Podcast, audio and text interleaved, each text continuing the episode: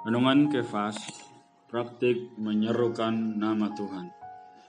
Di dalam 2 Timotius 2 ayat 22 dikatakan, Sebab itu jauhilah nafsu orang muda, kejarlah keadilan, kesetiaan, kasih, dan damai, bersama-sama dengan mereka yang berseru kepada Tuhan dengan hati yang murni. Saudara-saudari sekalian, kegiatan di sekolah tidak selalu membahas teori.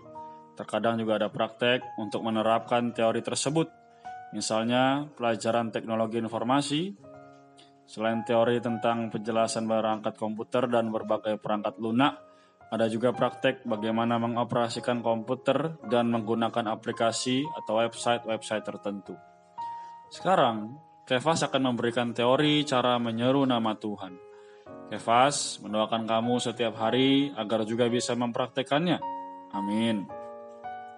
Pertama adalah perlu berseru kepada tu, nama Tuhan dengan hati yang murni.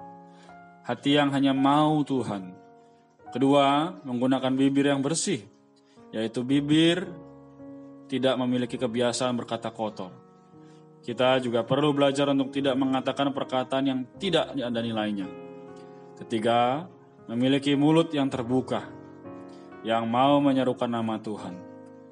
Keempat, bersama-sama Artinya, berseru nama Tuhan tidak cukup dilakukan sendirian, tetapi juga perlu dilakukan bersama-sama dengan teman atau rekan rohani kamu loh. Sobat Kefas, kamu sudah tahu teorinya kan?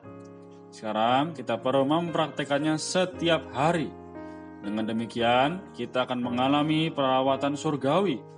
Pengalaman tokoh-tokoh Alkitab yang berseru kepada nama Tuhan akan menjadi pengalaman kita juga. Dan bahkan tanpa disadari, kita makin bertumbuh bersama-sama dengan rekan rohani kita. Puji Tuhan, marilah kita gunakan setiap kesempatan yang ada untuk bisa berseru dan memanggil nama Tuhan. Oleh karena itu, mari kita berdoa. Tuhan, teori tentang berseru nama Tuhan telah aku dapatkan. Dan aku mau belajar setiap hari, setiap waktu, menyerukan namamu, agar engkau makin bertumbuh di dalamku. Tuhan, tolonglah aku. Amin.